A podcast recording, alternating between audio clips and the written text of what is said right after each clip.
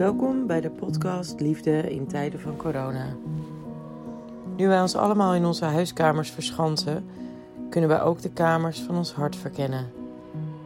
Met de coronacrisis hebben we naast de ellende ook een groot cadeau gekregen: tijd. Tijd om te doen wat ons hart ons ingeeft.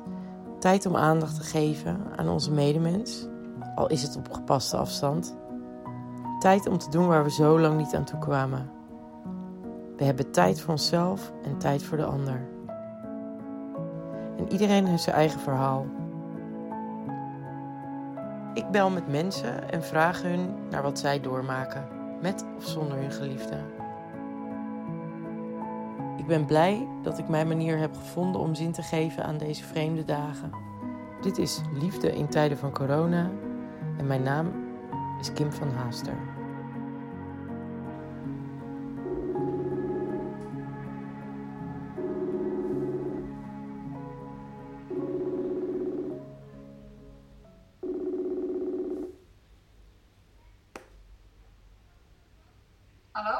Hallo? Ja, ik hoor jou. Hoi, Jelena. Hallo Kim. Hoi, fijn dat ik je mocht bellen. Ja, heel leuk. Deze tijd een beetje aandacht. Een beetje aandacht, ja, die kun je wel gebruiken, hè? Ja, zeker. Voordat je vertelt eh, wat jouw verhaal is, kun je vertellen wie je bent en wat je doet in het dagelijks leven? Ja, ik ben eh Jelena Misko en eh, ik ben een eh, kunstenaar. Alhoewel ik eigenlijk als modeontwerper ben opgeleid. Maar ik ben vanaf 2010 eh, bezig als performance, met performance kunst ben ik bezig. En eh, eh, daar, later is daar fotografie bij gekomen, maar toch meer vanuit de performance. Dus dat, dat was ik aan het doen eigenlijk de hele tijd. En ik ben ook eh, geïnteresseerd geraakt in eh, eh, geschreven performances. Eigenlijk omdat ik eh, zwanger was en geen performances wilde doen. Maar daarna kwam ook corona en al die maatregelen. Dus ja, je werd heel erg beperkt in eh, wat je allemaal kan doen in de, publieke ruimte. Dus ik wilde gewoon een nieuwsbrief maken voor curatoren en, en zo eh, met performanceverhalen. maar daar was ik nog niet aan toe gekomen. Oké, ja, ik ben wel benieuwd. Kun je vertellen waar je, waar je nu zit en hoe dat eruit ziet? Waar je nu bent? Ja, ik zit eh, in, eh, in- het is mijn kleine office, zeg maar. Het is een klein kamertje van 7 vierkante meter ongeveer in mijn huis, eh, aan de tweede verdieping. Mhm. En het staat helemaal vol. En er staan allemaal boekenkasten en kasten met dozen en gereedschap en naaimachines allemaal zooi. En eh, ik zit erin verstopt eh, achter de computer. En eigenlijk het enige wat ik hier kan doen is achter de computer zitten. Een lekker hokje tussen de boeken achter de computer. Ja, dat is het. Hey, voor deze podcast had jij mij eh, een bericht eh, gestuurd dat je zwanger was en ehm, dat je in juni eh, moest bevallen. En toen dacht ik, oh, dat is leuk om met jou een podcast te maken als je een kindje krijgt tijdens corona. Maar dat liep even anders. Ja. Wil je vertellen wat er is gebeurd? Ja, en eigenlijk mijn hele zwangerschap liep zogenaamd normaal. Ik was er wel heel erg opgezwollen, moet ik zeggen. Maar er werd niet eh, iets van gezegd van dat het abnormaal is. Eh, ik kreeg te horen dat bijvoorbeeld 80% van de vrouwen opzwellen tijdens hun zwangerschap. Dus eh, Mhm. er bleek niks aan de hand te zijn. Tot eh, op een gegeven moment eh, eh, ging mijn gezicht heel erg opzwellen. Mijn eh, eh, ogen, zowel bovenste leden als onder, was echt eh, heel erg opgezwollen. En ik kon er eigenlijk niet omheen dat het er heel raar uitzag. Ja. Dus eh, ik eh, belde mijn huisarts eerst aanvankelijk. En eh, de assistente zei dat ik eh, foto's moest eh, opsturen. Dat het natuurlijk niet zomaar kan komen. Er ging ook wat tijd overheen tot we dat hebben gedaan. Om drie uur of zo kreeg ik, of vier uur, kreeg ik een mailtje terug van dat de huisarts het geen, geen oogprobleem vindt, maar dat ik vocht kan vasthouden door zwangerschap. Dus als dat blijft, dan moet ik morgen de verloskundige bellen. Ja. Maar de volgende dag werd ik om eh, acht of negen uur wakker en, en toen was het weer opgezwollen. Dus ik belde de verloskundige en eh, heb dat allemaal verteld. En zij vroeg of ik andere klachten had, zoals pijn in mijn bovenbuik, onder de ribben en nou, sterretjes zien. En ze was benieuwd of ik hoofdpijn had. Nou, dat had ik echt niet. Nee. Dus ze zei van ja, kijk maar hoe het verder ontwikkelt. En kijk maar aan. En je kan vochtafdrijvende groenten eten zoals selderij of komkommer. Ja. Dat was mijn advies. En, uh, maar ik maakte me toch zorgen. Ik dacht, ik vind dat toch heel gek. En uh, een maand daarvoor, toen, was, uh, nee, toen, toen ik voor het eerst ging opzwellen in mijn voeten. Ja. Toen ik, ben ik naar de huisarts geweest en die heeft de urine getest op eiwitten. En toen heb ik gegoogeld van waarom doen ze dat eigenlijk? Want dat was mij niet verteld. Maar toen bleek dat dat er iets te maken had met de zwangerschapsvergiftiging. Ja. Dat je dan uh, urine, in je urine eiwitten hebt. Mm -hmm. uh, dus zo kende ik dat. Maar toen dacht ik, ik heb dat niet. Omdat uh, ze zeiden, urine is prima. Dus ik had alleen opgezwollen voeten. Dat is niks aan de hand.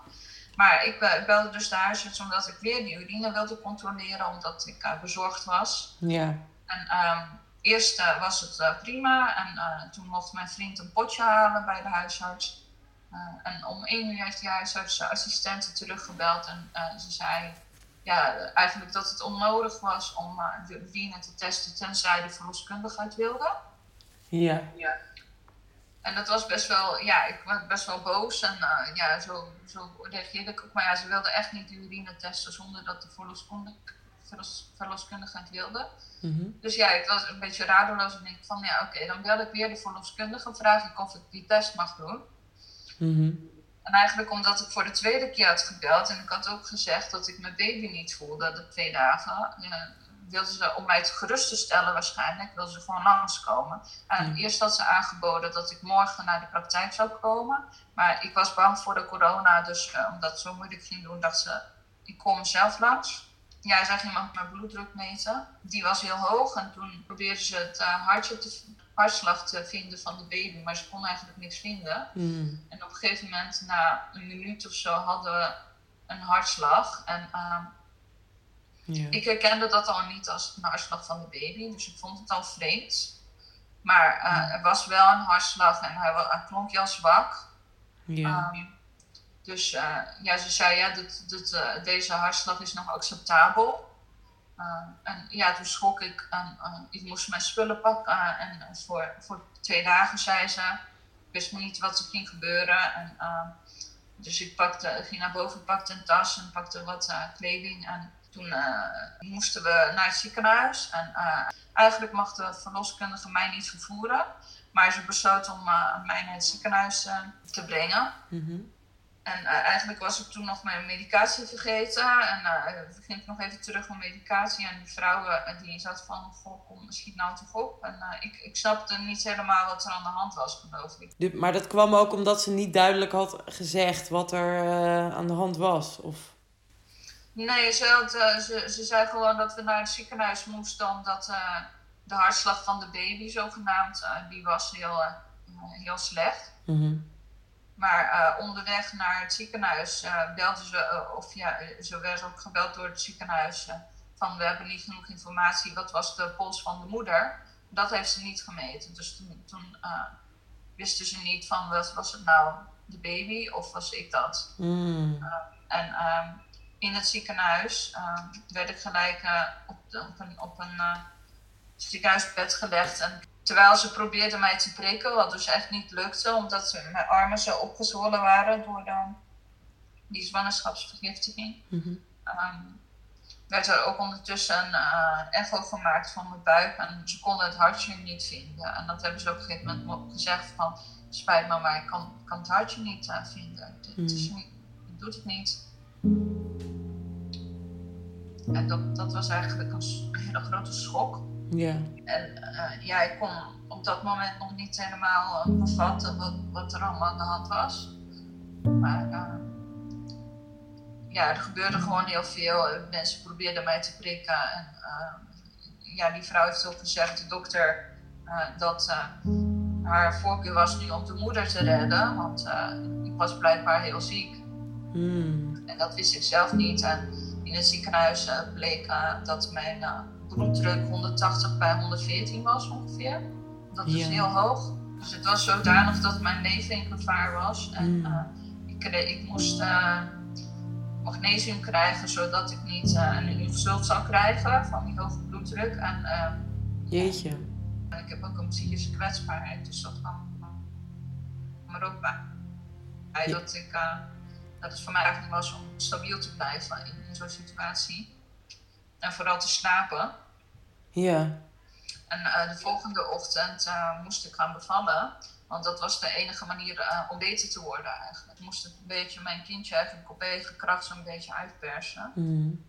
En, ehm, en toen was het van, wil je haar zien? Of wil, wil je haar, wat wil je Ja. dat we met haar doen? En, en toen ging ik eerst kijken en uh, lag inderdaad een kindje. Mm. Was het een jongen of een meisje? Het was een meisje, maar dat wisten we al, dat het een meisje Oh was. ja, dat wist je al. En ze had ook al een naam. Mm. Eigenlijk was alles eh, bijna klaar Ja. voor haar. Maar, eh, ja, ik had eh, van tevoren ehm, heel veel advies gekregen over hoe ik moest omgaan met de bevalling. En Mhm. Dat ik de baby beter op me kon la- laten liggen en gewoon eh, wel herinneringen maken, zoals ze dat had genoemd. Ja, en wel foto's maken en eh, mee omgaan zoals je met een normaal kindje zou doen, omdat je er anders spijt van kunt krijgen, omdat het toch je kind is, Mhm. ook al is het overleden. Hoe was dat? Het is net een pop, het is wel een kindje, maar het beweegt niet en het maakt geen geluid. Nee. Leek het op je, een van jullie? Ik vind dat het heel, of ik heb nu die foto's naast me staan en ik vind dat zij heel erg op mijn moeder lijkt. En je zei dat je een paar dagen met Veetje had. Wat heb je gedaan? Ja, we, we waren gewoon in het ziekenhuis. Eh, Eigenlijk, moesten daar nog een week eh, blijven. We hebben ook sowieso even steun gekregen van allerlei stichtingen. En na de geboorte van Veetje was een fotograaf geweest van Make a Memory. En dat was voor mij heel belangrijk, omdat eh, toen, eh, toen eigenlijk ik realiseerde dat, ik, dat, ze dood was, dan dacht ik als eerste van, we hebben alleen maar echofoto's van haar. Van Mhm. moet dat ze straks? En, dat vond ik echt eh, heel vervelend. Maar eh, toen ik hoorde dat eh, die fotograaf kon komen, dat was echt eh, eh, ja, een lichtpuntje. Ja, zij had foto's gemaakt van, eh, eh, van eh, mij, mijn partner en eh Veetje, onze, onze dochter. Mhm. Die foto heb ik eigenlijk op Facebook gedeeld en ik heb het ook eh, bij de uitvaart laten projecteren. Mhm. Want ze, daar lag ze een soort van te slapen en ze zag er heel mooi en vredig uit. Ja. Dat was heel fijn, want tegen de tijd dat ze, dat ze werd gecremeerd, eh, zag ze er heel anders uit en best wel eng eigenlijk. Je- Je wilt toch het liefst iemand herinneren op zijn mooist. Ja, zeker. Ja, ik heb die foto eh, gezien op Facebook. En eh, ik dacht in de eerste instantie dat het gewoon een eh, gezonde baby was. Het was een mooie baby. Iedereen zegt ook, het is een heel mooi meisje. Het is een hele mooie baby. Maar Ja. ja, het is gewoon heel, heel, heel, heel triest en heel tragisch dat, eh, dat eh, ze het niet heeft gered. ja, het is verschrikkelijk. Hoe, hoe, eh, wat je allemaal hebt meegemaakt in de afgelopen paar weken, dat is heel veel. En dan ook nog in deze tijd van corona, dat lijkt me zo bizar. Ja, want dat had natuurlijk gevolgen, want eigenlijk mogen, mogen mannen daar niet bij zijn.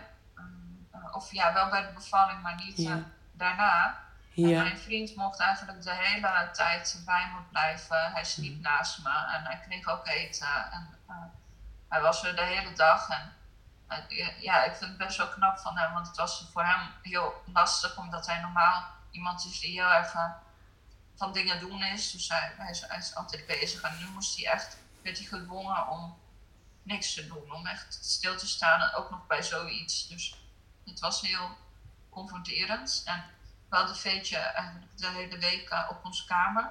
mhm.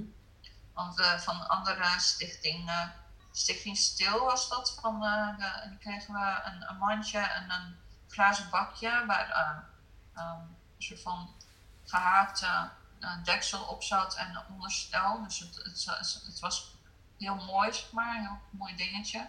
Mhm. En uh, daarin heeft het veetje in het water gelegen, omdat het eigenlijk de beste manier is om baby's te bewaren. In een glazen bol in het water heeft ze een week gelegen. En uh, toen was ik maandag ontslagen uit het ziekenhuis en woensdag was de uitvaart uh, van mijn dochter. Mm -hmm. En dat had ook ja, de, de coronagevolgen waren dat, dat er maar 30 mensen bij elkaar mochten zijn ja. in die ruimte. Dus ook iemand van het crematorium zelf die de, allerlei achter de schermen dingen doet. de uitvaartondernemer en plus ik en mijn partner en, en daarnaast familie. Dat mocht in totaal 30 mensen zijn. Ja. En, um, ja, wij hadden eigenlijk besloten dat we vanuit ons huis uh, gaan lopen naar de crematorium. Want het, het, is bij ons in de buurt uh, is een crematorium. Ja. En op een graafplaats, zeg maar, Algenie. En we hebben besloten dat we uh, van ons huis zeg maar, daar naartoe zouden lopen met z'n allen. Mm -hmm. En toen kwamen ook een aantal buren buiten staan. En hebben we dat hele weg gelopen. En, ja, toen ik buiten die, naar buiten kwam, toen voelde ik me eigenlijk schuldig. Heel erg ongemakkelijk en schuldig, omdat ik een overleden kindje aan de wereld presenteerde. Dat is gewoon niet wat je wil. Mm. Niet wat ik had gehoopt. Nee. Het was heel moeilijk. We liepen voorop, dus ik hoefde niemand aan te kijken.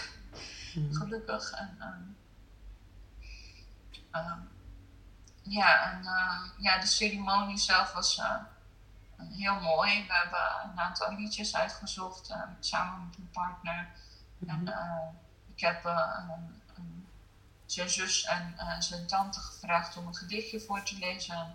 Mijn moeder zou het derde gedichtje voorlezen, maar die was heel ziek geworden door de zenuwen. Mm. kon niet komen. Och. Dus ik heb het zelf moeten voorlezen, want het was in het Russisch. Ja.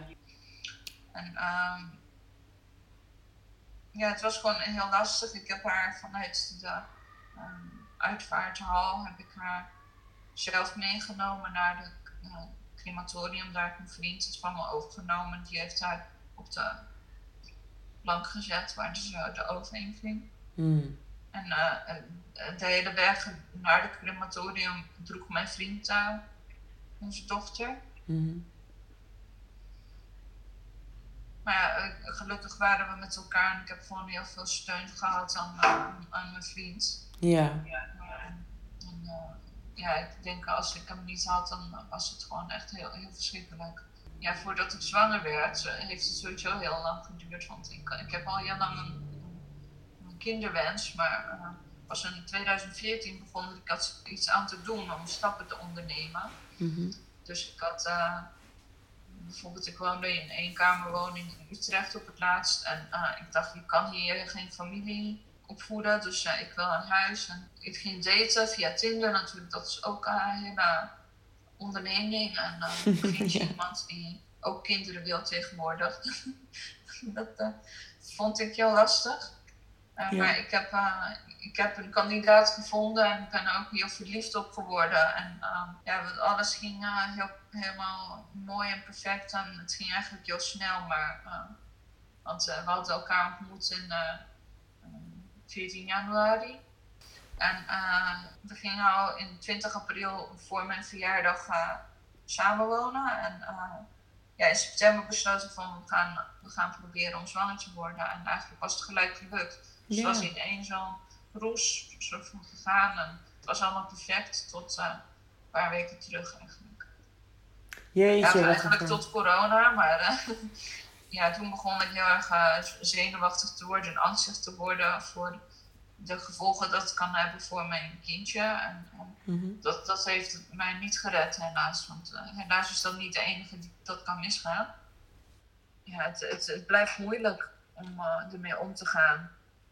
Mm -hmm. Maar ja, zo'n kindje die nog geen kans heeft gekregen om in je leven te zijn. En ik bedoel, ik heb haar, ik, ik, ik, ik vind, ik heb haar ziel niet gezien. Ik bedoel, ik heb haar levend niet gezien. Ik heb alleen haar lichaam gezien. Mhm. Ik heb niet in haar ogen gekeken. Ik, eh, ik heb niet een mens gekend. En Ja. dat is heel, heel pijnlijk. Dat, dat ik gewoon die kans niet, eh, niet heb. Ja, jeetje. Ja, hoe, ga je, hoe gaan jullie daar samen mee om, jij en je vriend?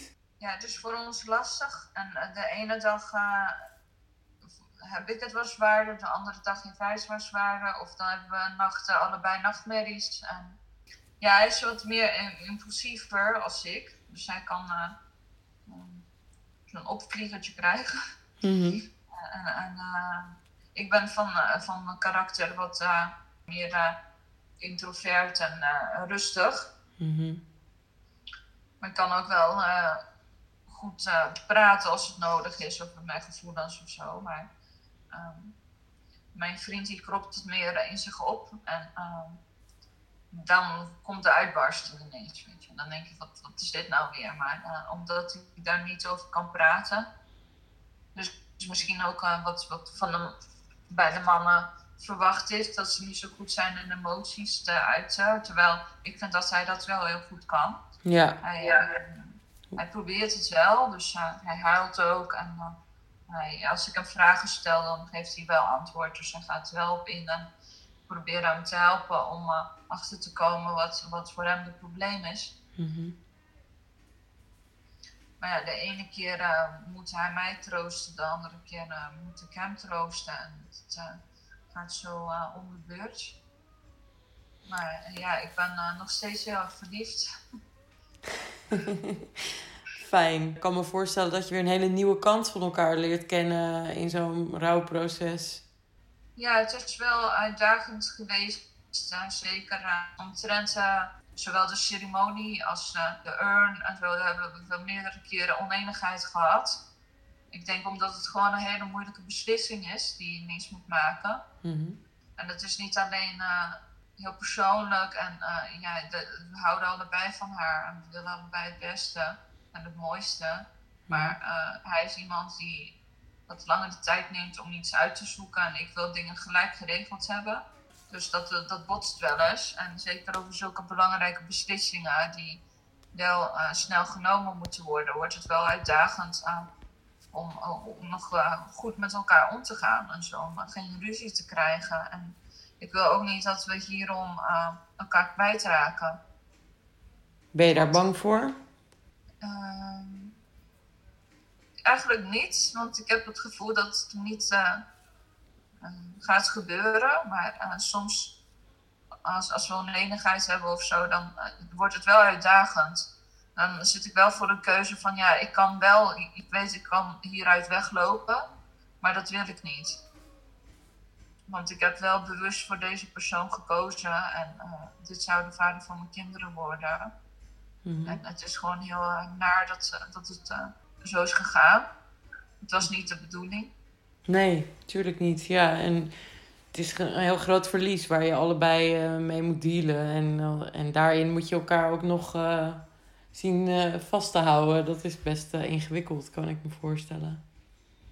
Ja, want hij had bijvoorbeeld op een slechte moment, dan eh, vindt hij dat ik veel te, of te goed ben voor hem of zo. Dat hij me niet verdient en dat hij Hmm. heel een slecht mens is en dat ik dat allemaal. En, en ik, dat, ik weet dat het niet waar is. Mhm. Maar dat heb ik gewoon door de hele relatie heen. altijd als we oneenigheid hebben gehad, dan was ik degene die moest zeggen: hé, hey, maar ik ga niet zomaar bij je weg, want ik heb jou gekozen. Mhm. En eh, dat, dat, eh, ik heb het gevoel dat het hem wel goed doet om dat te horen, omdat hij misschien ergens heel onzeker is. Mhm. Ja, snap ik. En is hij, eh, is hij er voor jou als jij verdrietig bent? Ja, dat ook natuurlijk. Ja, ik kan me voorstellen dat dat ook moeilijk kan zijn. Dus Het is moeilijk, want je, je hebt zelf pijn, maar je moet op, aan, aan iemand anders denken. mhm. Het, ik vind dat het echt alles eh, van ons vraagt nu om eh, eh, nog bij elkaar te blijven.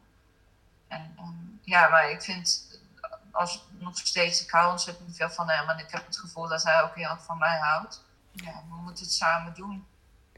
ja, de, je hebt de liefde hard nodig. Ja, nou, het liefst nog, uh, ja, eigenlijk toen ik in het ziekenhuis lag en werd tegen mij gezegd van ja, je moet bevallen om beter te worden, dacht ik van ja, ik wil, ik wil dit doen omdat ik niet dood wil gaan. En, want ik vind dat ik heel veel liefde heb dat ik nog aan iemand anders kan geven. En het is dan wel zo fout gegaan de eerste keer, maar ik wil toch, ik, ik heb toch dat kinderwens. En Hmm. Ik weet niet of dat een biologisch kind wordt of een geadopteerd kind of, uh, of dat een pleegouder worden of zo. Ik, ik, heb geen idee hoe dat vorm gaat krijgen. Hmm. Maar dat is ook iets wat we samen moeten doen. En uh, ik vind dat, er ook, dat we dat ook de tijd moeten geven om uiteindelijk een keuze te maken van hoe we verder gaan. Want sowieso um, ja, voor, een, voor een volgende zwangerschap zou ik eerst een jaar moeten ontzwangeren. Is dat advies? En zeker in mijn geval, want het was uh, gewoon heel zwaar voor mijn lichaam. Dus uh, het is gewoon heel veel, we moeten heel veel wachten. En uh, hopelijk hield dat een beetje de, de wond. Waar jullie eigenlijk super snel gingen samen, moeten jullie nu opeens heel veel langzamer kleinere stapjes gaan nemen. Ja, zien ineens uh, flink op de rem of ja, uit een flinke car crash in onze relatie. Wat levert je dat op, denk je? Kun je daar al over nadenken of kun je, daar, kun je dat uh, voelen? Ik denk als we hier doorheen kunnen komen als, uh, als een stel, dat, dat we hier alleen sterker van uitkomen en alleen meer overtuigd dat we bij elkaar moeten zijn en willen blijven. En dat hoop ik, ik hoop dat dat het geval is. Dat hoop je, dus dat, ja, dat weet je ook niet. Zeker. Ja, ergens, uh, ik, uh, ik durf wel te zeggen dat ik het weet, dat het het geval is. Voor mijn gevoel wel. Maar het, het, ik kan niet inschatten hoe moeilijk het nog gaat worden. Ik merk wel dat het steeds, de dagen zijn heel verschillend. En de ene keer gaat het wat makkelijker dan de andere dag. Mm -hmm. Dus het is gewoon dat hele proces, uh, dat rouwproces en uh, dit een plek geven en uh, dit eren. En, maar ook verder gaan met ons leven. Want ja, door de corona is natuurlijk is niet alleen ons kindje overleden, maar mijn vriend werkt ook in de horeca. Dus mm. hij, kon ook, hij kan ook niet werken en hij wordt ook ontslagen. Dus hij moet ook stappen gaan ondernemen om zijn leven weer op te bouwen. En hij wil misschien voor zichzelf beginnen. Dat zag hij niet meer zitten omdat Veetje is overleden. Maar ik hoop toch dat hij uh, wel zijn ding kan doen. Op een gegeven moment daar, daar wel uh, de kracht voor vindt. Ja. En ik wil hem daarin ondersteunen. Ja, dat hoop ik ook voor jullie allebei. Ze, ze zeggen ook tegen mij dat wat met mij is gebeurd heel zeldzaam is. Uh, maar ja, ik weet niet wat ik moet geloven. Dat het heel, niet zo vaak voorkomt of omdat het goed uh, in de gaten gehouden of op, tijd wordt opgepikt. Ja. ja, het is echt uh, een, een ongelukkige samenloop van uh, omstandigheden eigenlijk. Dus heel erg door dat, wat ik begrijp, hè, dat de gezondheidszorg niet optimaal is geweest voor jou en, en dat je de pech had dat je die zwangerschapsvergiftiging hebt opgelopen ik kan me ook voorstellen dat je, doordat je al, al deze dingen hebt meegemaakt, dat je je helemaal uh, buiten de samenleving uh, voelt staan. Want dat heb je al uh, als, je, als je niet al die dingen meemaakt. Dus laat staan wanneer je in deze situatie ja, een, een, een, kindje verliest. Dan is het zo lijkt het me zo ingewikkeld om, om, weer, om überhaupt weer no normaal uh, mee te draaien. Nou, ik vond het eigenlijk, al, al die maatregelen vond ik eigenlijk zelfs prettig. Omdat ik uh, niet heel veel contact wilde met zijn mensen. En ik wilde niet uh, aangeraakt worden. En, hm. dat, dat, dat hoeft nu niet. Ik denk dat ik in een ander geval misschien daar heel veel last van zou hebben dat dat heel confronterend zou vinden. Maar eigenlijk geeft het uh, wel opluchting dat, uh, dat heel veel niet mag of niet kan. Ja. ik, ik weet niet hoe, normaal het is, zeg maar, hoe ik nu eh, leef. Maar eh, ik weet dat mijn moeder nog steeds als ze dood is voor de corona. Mhm. En ik heb die angst niet meer, want voor mij is het ergens al gebeurd.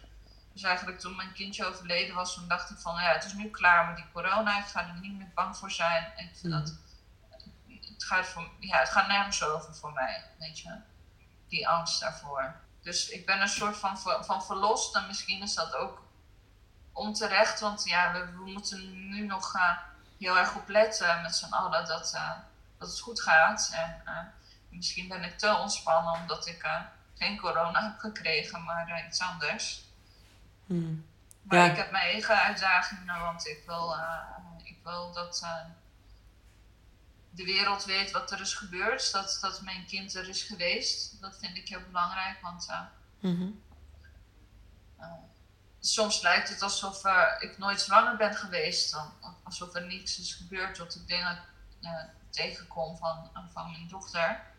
Mhm. En ik vind het belangrijk om te herinneren dat, dat ze er wel was. Ja, Ze zou misschien niet meer zijn, maar ze was er wel. ja.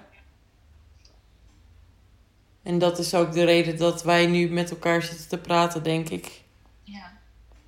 Maar ook, eh, ik wil dat er, dat er ook consequenties zijn voor de hulpverleners die mij hebben behandeld. Mhm. Ze, zeggen, ze zeiden allemaal dat ze ervan schrokken en ik kreeg een bloemetje en een kaartje. Maar ja, het is gewoon niet te bevatten wat er is gebeurd. Ik mag ze niet beschuldigen van Mhm. nalatigheid, maar...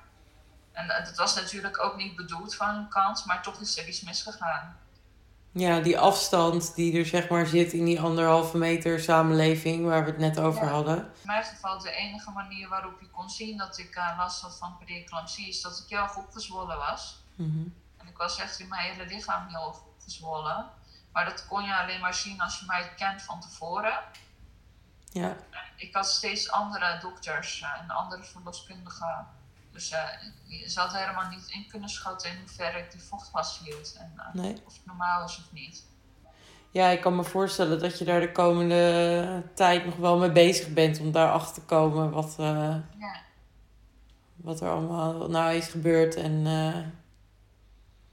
ja, jeetje, nou, ik wil je voor nu heel veel sterkte wensen en je heel erg bedanken voor het delen van je verhaal. Ik ben heel stil geweest, eh, omdat ik eh, ook erg onder de indruk ben van eh, ja, wat je allemaal wel niet voor je kiezen hebt gekregen de afgelopen tijd. En ik weet dat het nog niet voorbij is voor jou en Ja.